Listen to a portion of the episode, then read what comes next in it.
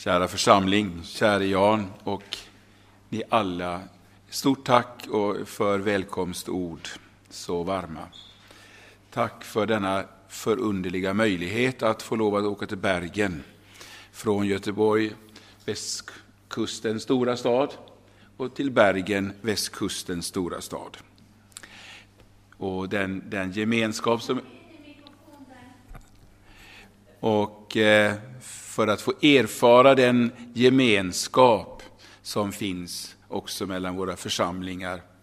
För mig och min hustru är detta en stor, stor glädje att få komma och vara med idag och denna helgen.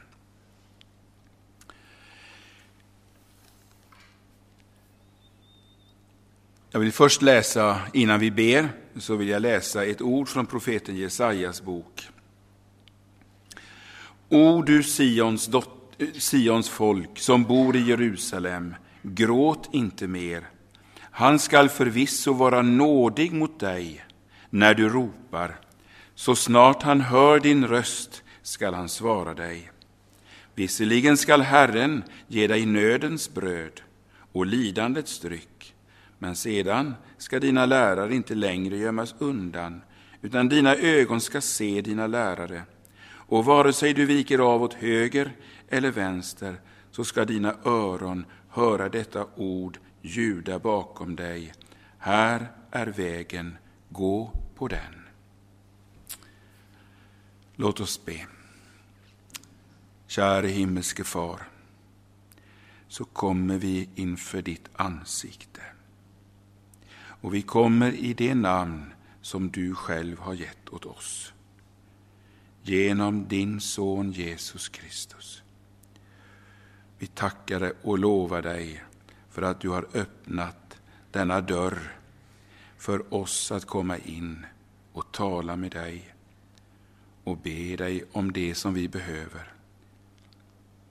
Och nu ber vi dig att du välsignar den här stunden så att han som kom som lärare till oss, han, din son,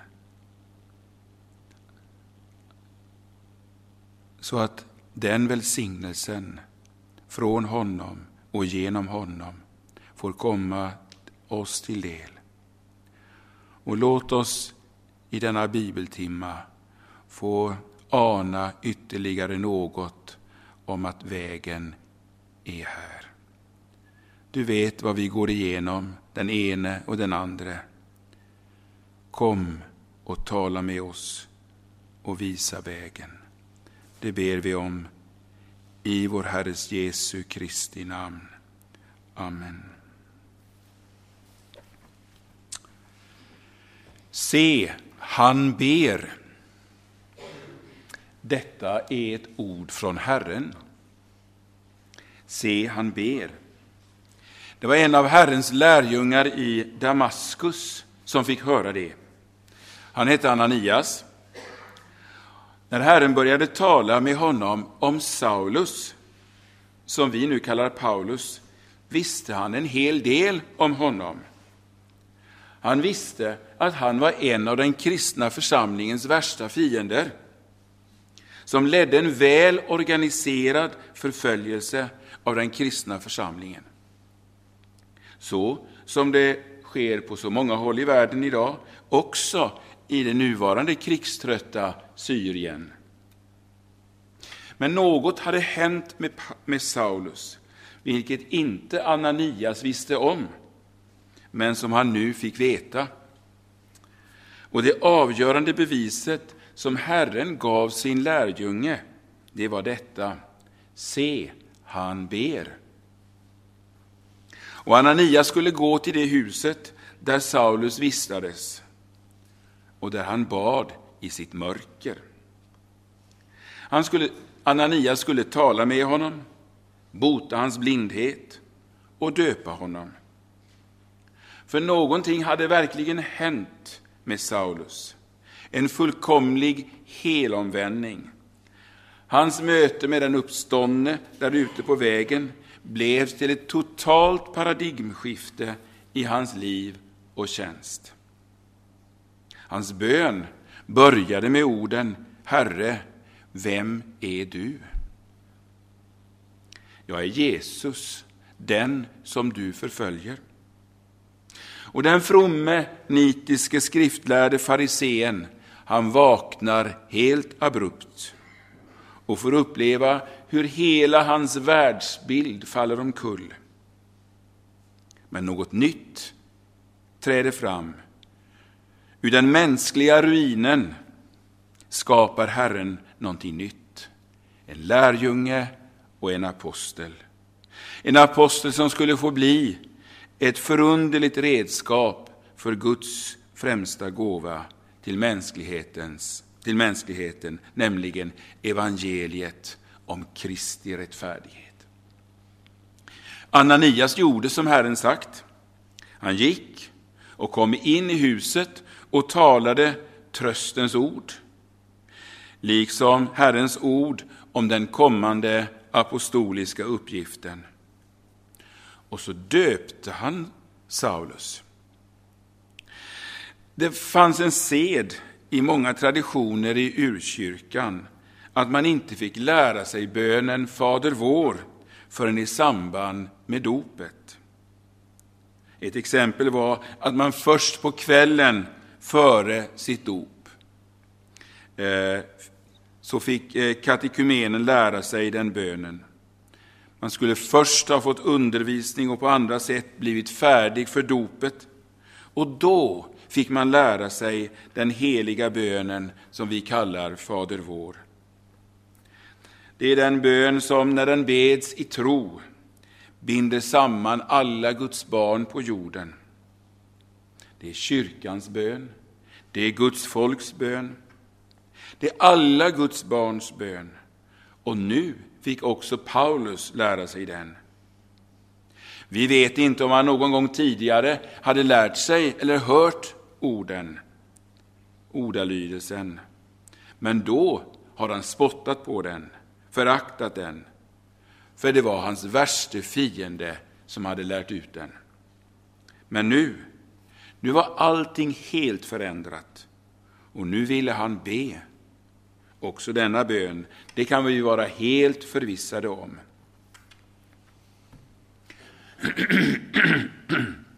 Många av oss har kunnat bönen Fader vår, denna heliga bön, sedan vi var små. Och vi har stämt in i den tusentals gånger. Och hur många gånger har vi inte rabblat den utan att överhuvudtaget tänka på vad som ligger i orden. Någon har kallat den här bönen för världens främste martyr. Så plågad, så misshandlad och räknad för ingenting.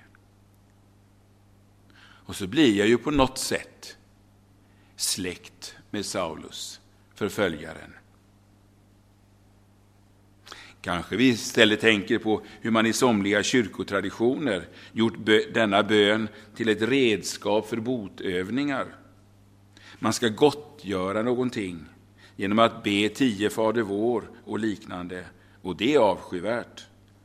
Men vem av oss kan stolt säga att så gör inte jag? Jag tänkte på när vi satt på flyget idag. Eh, så eh, och tänkte på det där, den där, jag tror att det var en Boeing 737 som vi flög med. Eh, och så kom jag att tänka på vad jag, eh, det hände en olycka, en flygolycka i Sverige för det är nog en 30 år sedan. Då var det nog en, en sån här, nej det spelar ingen roll. En olycka som slutade väl den så kallade Gottröra-olyckan. Har ni hört talas om den? Eh, utanför Uppsala så, så eh, ett plan hade gått upp ifrån Arlanda och eh, fick, eh, det var nedisning av planet som gjorde att det förlorade förmågan att styra ordentligt. Men de kunde, lyckades landa på en åker och planet, precis när det kommer ner så knäcks det, men det händer ingenting mer och alla klarar sig.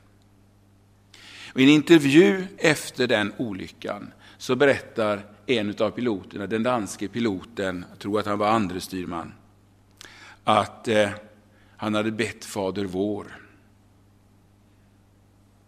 Han bad Fader vår. Och en hel, ett helt plans passagerare, alla, räddades. För 19 år sedan så var min hustru och jag i den här salen. Då kallades den för Salem. Då var vi här, vi hade anledning på grund av ett kommande bröllop för en av våra söner. Eh, så var vi här på ett möte. Och den som talade, talade om bönen Fader vår. Eh, och jag minns inte så mycket av föredraget, men jag minns en sak. Och som jag ändå inte minns som jag borde. För han eh, eh, liknade bönen Fader vår vid ett slott med en stor entréhall och med många dörrar och trappor som led, och dörrar som ledde in till olika rum. Eh, och jag har letat för att få tillgång till den där bilden, för jag tyckte den var så den var dyrbar för mig. Eh, kanske någon här vet om var den finns. Eh, men vi ska börja ändå att vandra in, in genom dörren, in till den, denna bön, denna kungsbönen Fader vår, som är som att gå in i ett underbart slott med en omkringliggande trädgård. I evangelierna så finns det två versioner av bönen Fader vår. Det finns en kortare version i Lukas evangeliet kapitel 11 och den version som vi använder i kyrkan är hämtad från Jesu bergspredikan i Matteus 6. När Lukas återger sin kortare version kan man ju tänka att han återger ett tillfälle eh, då Jesus, genom att inte säga allt han sagt tidigare, bara ville påminna dem om vad han hade sagt till dem på berget. Samtidigt ligger det på sätt och vis också det som inte finns med där, ligger gömt i de andra bönerna. Jag hade egentligen tänkt att jag skulle haft tillgång, gett er båda de där två bönerna bredvid varandra. Eh, och, och jag, det blev inte så. Eh, och kanske att också Jesus menade att man kan ta eh, den kortare eller den längre versionen och i sin bön ändå fylla ut och konkretisera efter personlig, utifrån personliga behov. Men innan vi går in i bönen Fader vår så har jag ett par saker till att säga först. Eh, för det är en sak man kan lägga märke till, att eh, när Jesus undervisar om, eh, och lär ut bönen Fader vår, så talar han på olika sätt om bönhörelse. Och enligt Matteus sa Jesus så här, om nu ni som är onda förstår att ge era barn goda gåvor, hur mycket mer ska då inte er fader i himlen ge det som är gott åt dem som ber honom? Och samma, när samma sak upprepas hos Lukas så kan man lägga märke till ah, vad det goda är som vi ska få. Där säger Jesus, Be och ni ska få, sök och ni ska finna, bulta och dörrarna ska öppnas för er. Ty var och en som ber, han får, och den som söker, han finner. Och för den som bultar öppnas dörren. Finns det bland er någon far som skulle ge sin son en orm när han ber, eh, när han ber om en fisk, eller en skorpion när han ber om ett ägg? Om nu ni som är onda förstår att ge era barn goda gåvor, hur mycket mer ska inte er fader i himlen ge den helige Ande åt dem som ber honom? Och så lär han dem Fader vår. Den som ber bönen Fader vår och ber den får den helige Ande som gåva på nytt och på nytt. Det andliga livet är ju som en ström som kommer genom ordet. Och när vi ber Fader vår, som är Herrens eget ord, och ber om det som vi behöver, så ger han oss det. Och det vi behöver är att förbli liksom i strömmen, i Andens livgivande ström. Och när vi ber i tro, ordagrant eller i en friare utvidgad form, så skänker han åter och åter sin gode ande. Karl Olof Rosenius har en över hundra sidor lång eh, utläggning av bönen Fader vår och finns att läsa i samlade skrifter. I inledningskapitlet, som är utläggning av orden Fader vår, så pekar Rosenius på ett viktigt perspektiv på den här bönen. Och det är att den är ett viktigt instrument för självprövning. Säger man så på norska? Förstår man det? Mm. Jesu lärjungar behöver pröva sig själva om de lever trons liv. Kan jag uppriktigt säga, vår far, min far, är det mitt hjärtas angelägenhet att Guds namn ska helgas, så att jag vill be om det? Är det min angelägenhet att hans rike ska komma till mig och att det ska utvidgas? Eller att det ska komma i härlighet? Är jag angelägen om att Guds vilja ska få lov att ske, också när det går emot min egen vilja? Vill jag vänta allt det som jag behöver för mitt livs uppehälle från honom som ger dagligt bröd? Är det mitt dagliga behov att be om syndernas förlåtelse? Och, och det är inte minst viktigt, lever jag det förlåtelseliv där jag förlåter de människor som gjort mig illa? Är kampen mot frestelserna min kamp? Eller är det en icke-fråga? Låter jag det vara min verklighet att jag har fiender, ondska som strider mot mig och som önskar ta tron bort ifrån mig? Man kan delta i församlingens gudstjänster och varje söndag delta i dess böner och varje söndag be Fader vår. Men det var aldrig någon bön. Det är i det perspektivet som Rosenius pekar på bönen som en självprövning. Men den som lever trons liv och prövar sig för, att finna om detta är min bön, ska också därigenom få hjälp till ny frimodighet. Och dessutom i denna bön finna liksom en verklig sköld. Heter det sköld på norska? Skjold. Som hjälper oss att hålla emot när den onde skjuter sina många pilar. Men låt oss nu vandra in i detta slott som Herrens kungsbön utgör.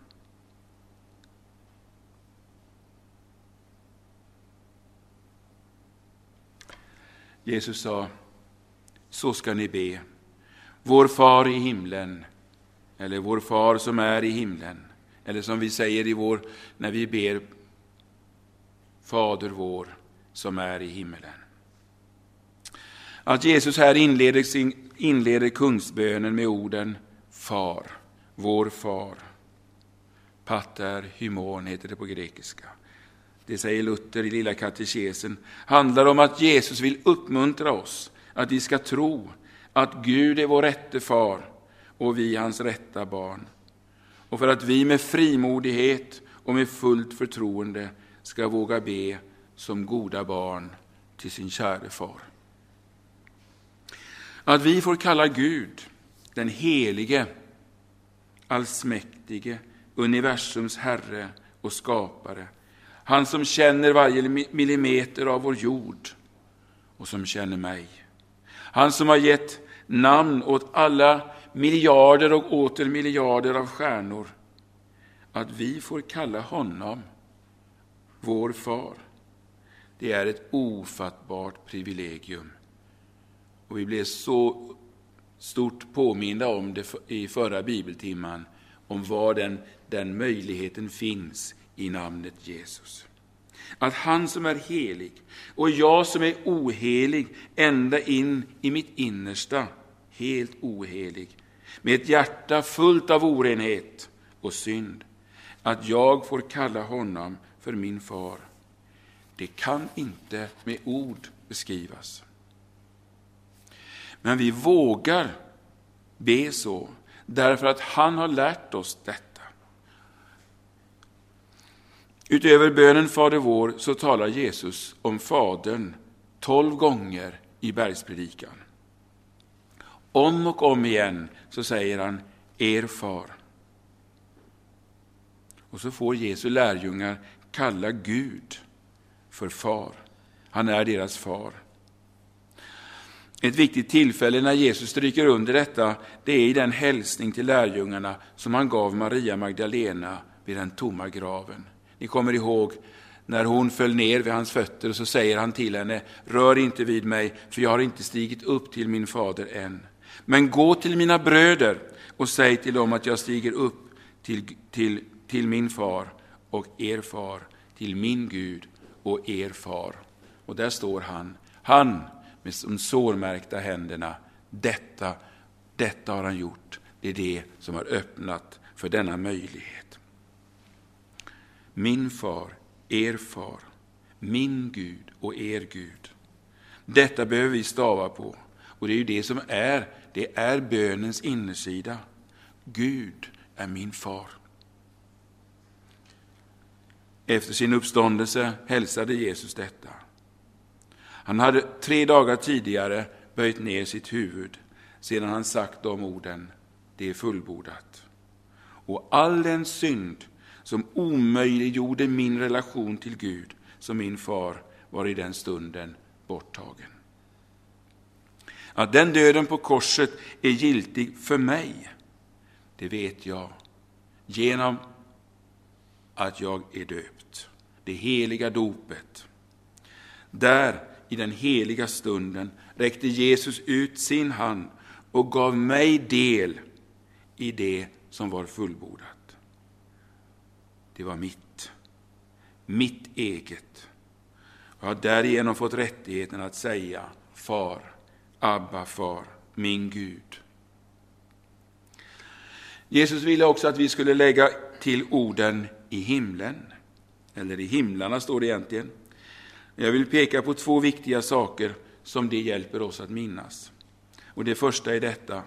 Jesus har farit upp genom himlarna och sitter nu på Faderns högra sida. Där hos Fadern är Sonen Jesus, han som är min frälsare, i vars namn jag får be. Det är genom hans namn jag har fått barnarätten, han som sitter på Faderns högra sida. Han är där och han manar också gott för mig, säger, säger skriften. Och där är han som har lovat mig att jag får kalla Gud för far. Och hans löften är orubbliga och Fadern lyssnar i alla avseenden på Sonen. Sen får vi inte tänka att Faderns högra sida är långt borta. Även om den är helt utanför vårt blickfång. Paulus säger på Areopagen att i honom är det som vi lever, rör oss och är till. Han är inte långt borta. Och här, där jag står, är sonen som har sagt jag är med er alla dagar intill tidens ände, där två eller tre församlade i mitt namn, där är jag mitt ibland dem. Och genom tron så bor Jesus i mitt hjärta. Och, och, och han omsluts av mig. Och han är på Faderns högra sida, så är Faderns högra sida, det är i min omedelbara närhet. Och där får jag säga stilla, stilla. Käre far, min far. Han som älskade sonen älskar också mig som kommer till honom i hans älskade Sons namn. En sak till om Fader vår som är i himlen. Vår Gud är i himlen, står det i Psaltaren 115, och han kan göra allt vad han vill. Det är underbart. Den Gud som är vår far och är i himlen, han är den allsmäktige, den som har makt till allt och därtill överlåtit den också åt Sonen min frälsare. Och samtidigt behåller han den. Och i Jesu namn får vi be till honom som inte har någon begränsning när det gäller kraft, makt till att göra vad han vill. Helgat var det ditt namn. Eller låt ditt namn bli helgat. Eller vi kanske skulle säga Far, låt ditt namn bli helgat. Luther påminner oss om att, att Guds namn är heligt i sig självt, oss förutan. Men det vi ber om i denna bön är att Guds namn ska hållas heligt ibland oss. När Gud mötte Moses i den brinnande busken för att kalla honom, ner till, eh, kalla honom till Egypten och leda folket ut därifrån, så fick han veta Guds namn. Det namn som ingen av oss eh, vet hur det ska uttalas, men dess betydelse är jag är eller jag är den jag är eller jag är den som är. Mose skulle veta namnet för att till folkets äldste kunna berätta vem som hade sänt honom.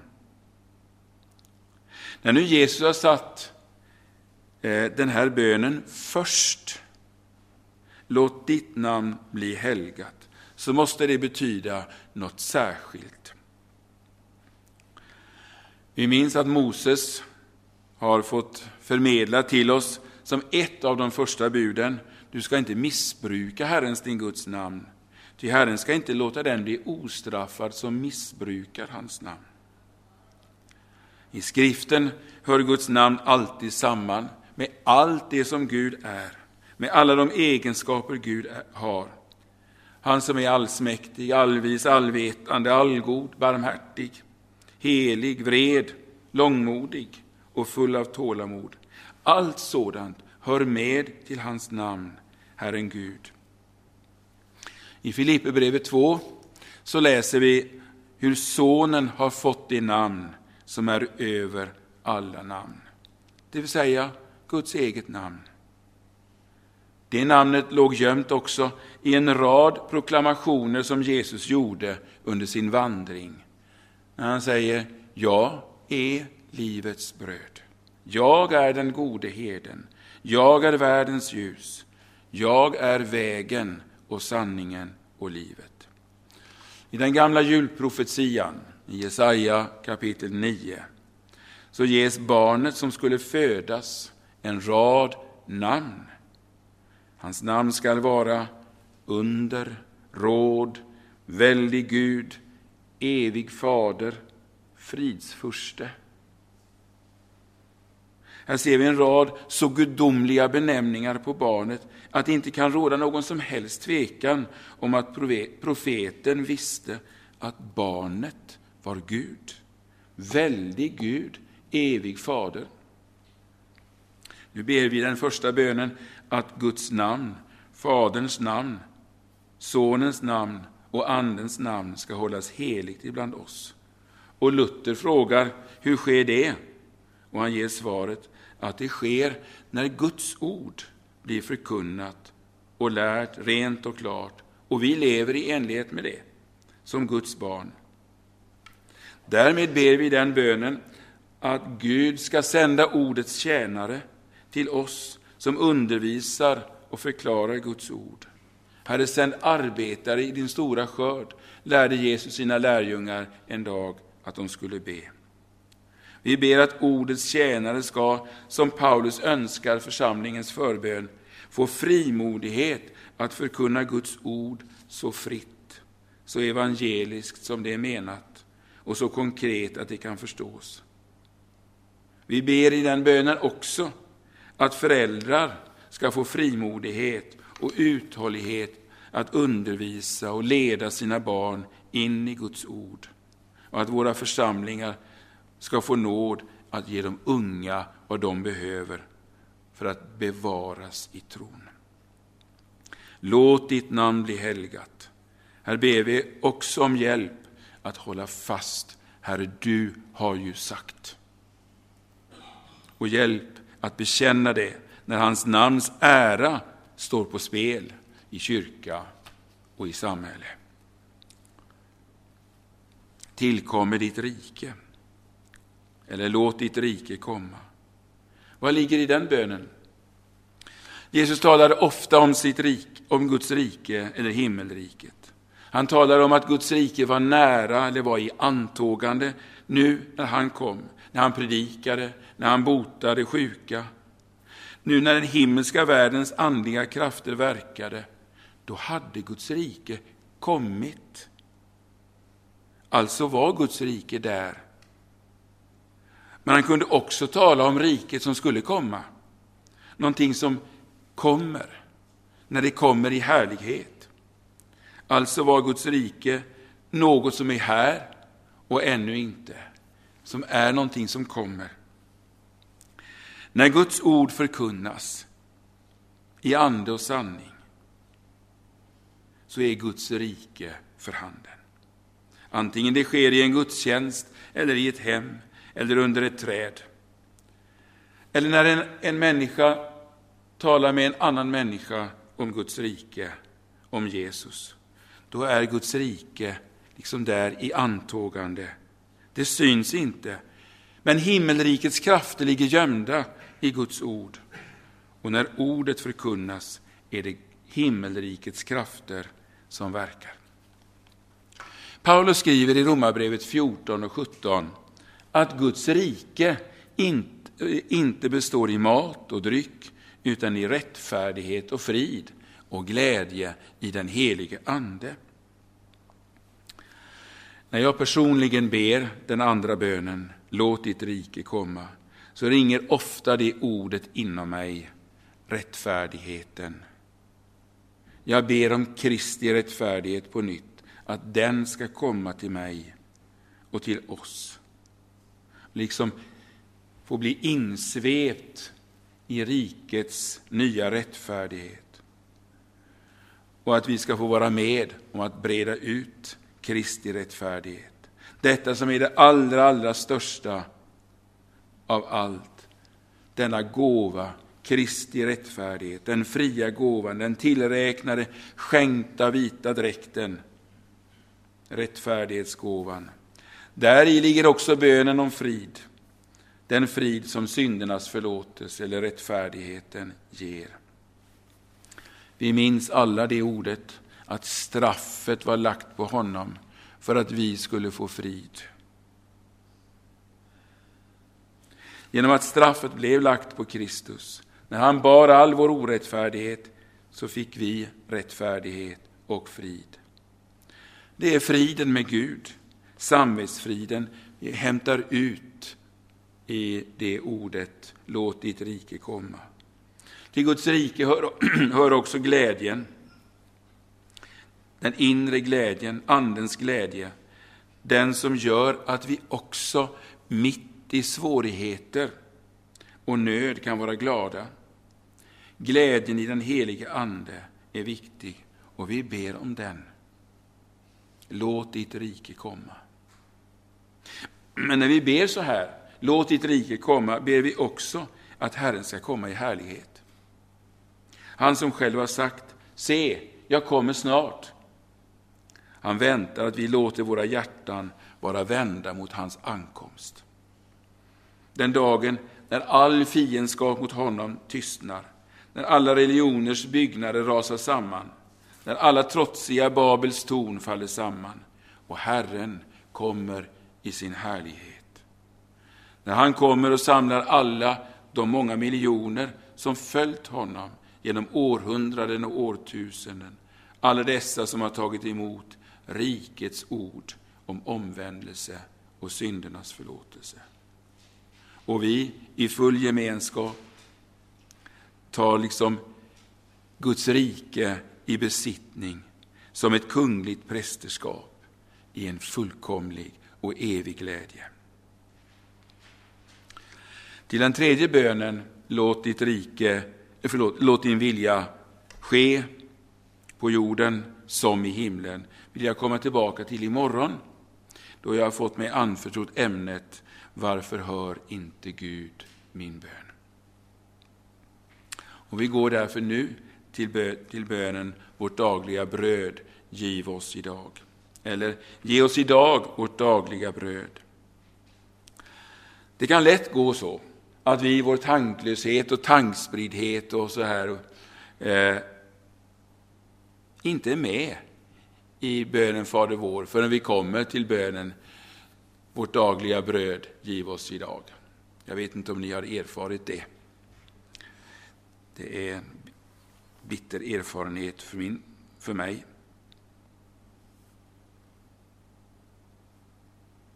Och här kommer ju någonting jordnära och viktigt. Och så är vi med. Men så bör det inte vara. De tre första bönerna handlar om Guds namn, Guds rike, Guds vilja. Från den fjärde bönen kommer det som vi behöver för vårt liv här på jorden.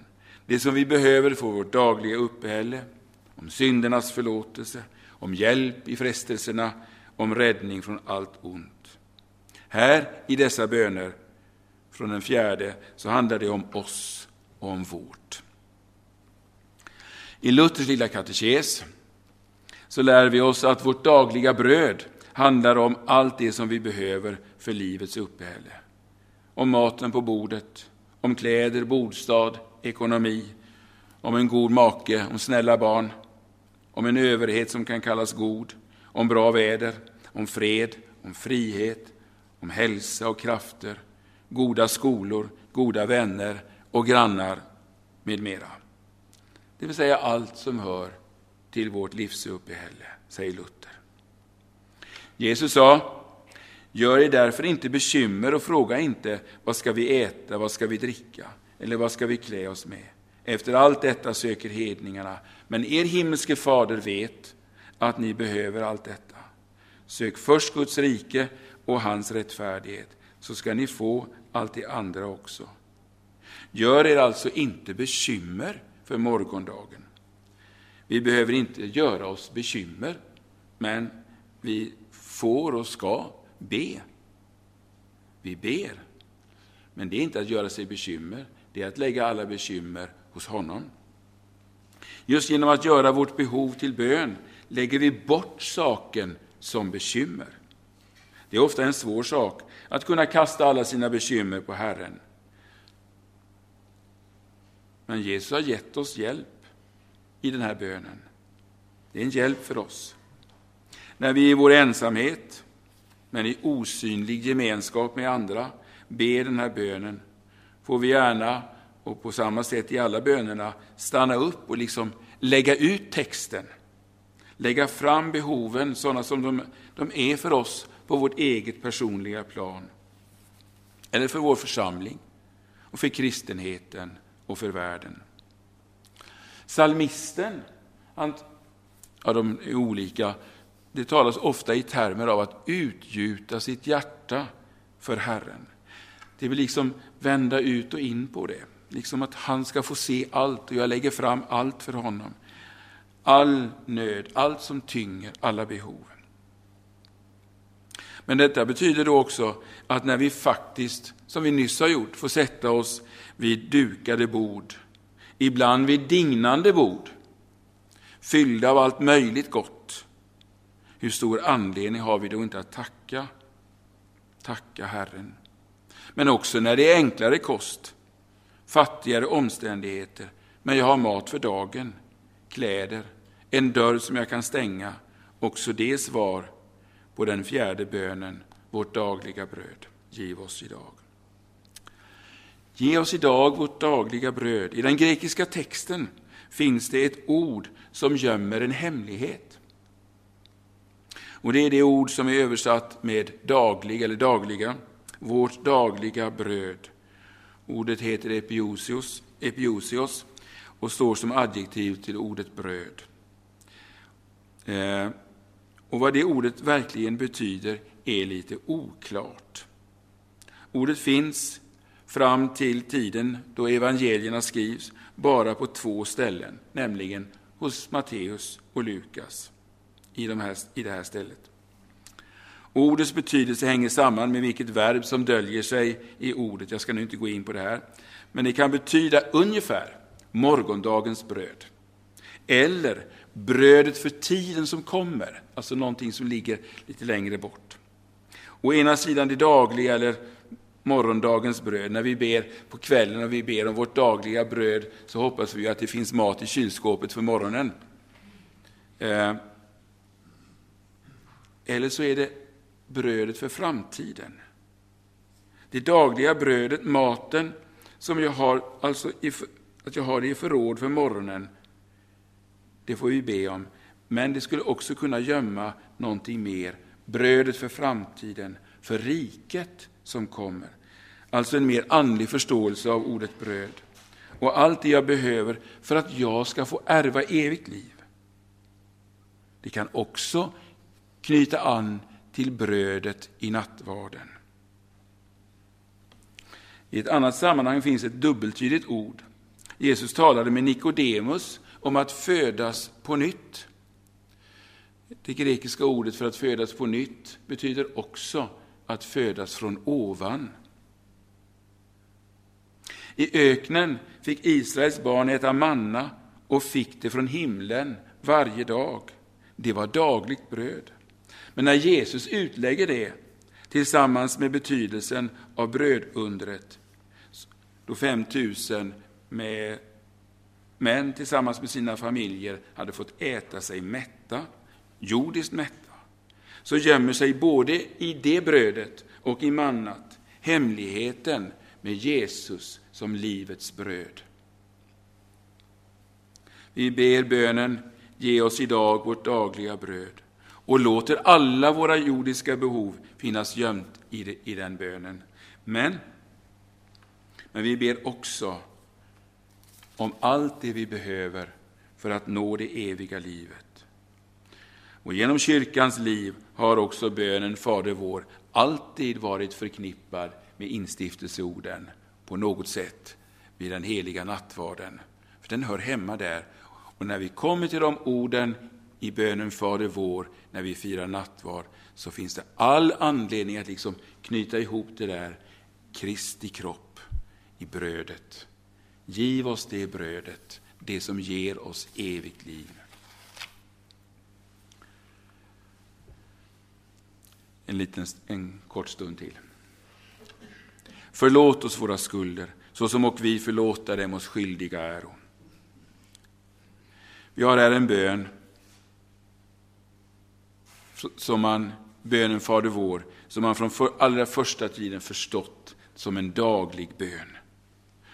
Så här har Herren Jesus nu lärt oss att be, just varje dag, förlåt oss våra skulder, så som också vi förlåter dem som är skyldiga oss. Han lägger den bönen om syndernas förlåtelse i sina lärjungars mun som en daglig bön. Har Jesus verkligen tänkt sig det? Är det verkligen så att vi verkligen behöver be den bönen varje dag, dagligen? Kanske någon tänker. För många kristna är det kanske ändå inte den frågan som bränner mest. Kan jag verkligen vara en riktig kristen när jag så ofta förlorar i striden mot mina inneboende synder? Borde jag inte vinna på ett mycket bättre sätt om Jesus verkligen är min frälsare? Men då kan vi av den här bönen, som nu Jesus lärt oss att be, förstå att han vet att detta är den bön som vi som hans lärjungar behöver be varje dag. För det är lärjungarna det handlar om. Det är de som har kommit in i hans gemenskap. Och verkligheten eh, är ju att de syndar varje dag. Och han vet det. Och han har gett oss den här bönen. Vi har många synder. Det gamla djupa syndafördärvet, köttet, vi har det kvar. Även om vi är klädda i Kristi rättfärdighet. Det som Paulus klagade över i Romarbrevet 7, det goda som jag vill gör jag inte och det onda som jag inte vill, det gör jag. Och så behövde alltså Paulus be varje dag. Förlåt oss våra skulder. Förlåt mig mina synder. Stryk ut mina synder. Och så ber vi, tänker på i Saltaren 51, två mig så jag blir vitare än snö. Och i gemenskap med alla Guds barn får vi be just så. Men om den bönen inte är en hjärteangelägenhet så står det inte väl till i mitt andliga liv. Om det inte tränger liksom fram ett behov av att få be så, så är det någonting som inte är friskt i mitt andliga liv. Här gäller då det som Paulus skriver till Efesierna, vakna upp du som sover. Det skrev han till den kristna församlingen i Efesus och till kyrkan i stort. Vakna upp du som sover. På nytt och på nytt behöver jag väckas till att se mitt verkliga läge. Om vi på allvar ber, låt ditt namn helgas, låt ditt rike komma, så ser och förstår vi vad vi behöver be om. Och så också är det väl omöjligt att se, att inte se hur oandlig jag är. Somliga är så fyllda av bitterhet mot andra att de är upptagna inte av egen synd eller brist, utan av andras fel. I synnerhet vad andra gjort mot mig. Då är läget allvarligt. Men Jesus har gett oss i denna bönen ett underbart hjälpmedel. Förlåt oss våra skulder så som och vi förlåta dem oss skyldiga äro. Så som vi förlåter. Att jag inte förlåter, sitter fast i bitterhet, grämer mig över vad andra gjort mot mig, harmas över vad de har gjort mot mina vänner eller mot mina barn. Det är en allvarlig synd som kallar mig in till nådens tron för att göra upp om detta. Om han får upp, öppna mina ögon så ser jag mer synd hos mig själv än jag kan se hos mina medmänniskor. I ett viktigt förklarande moment precis efter den här bönen så ger Jesus oss följande ord. För om ni förlåter människorna deras överträdelser ska er himmelske far också förlåta er. Men om ni inte förlåter människorna ska inte heller er far förlåta era överträdelser. Här finns alltså ett allvarligt memento. Om vi inte förlåter, om inte den förlåtelse som jag har fått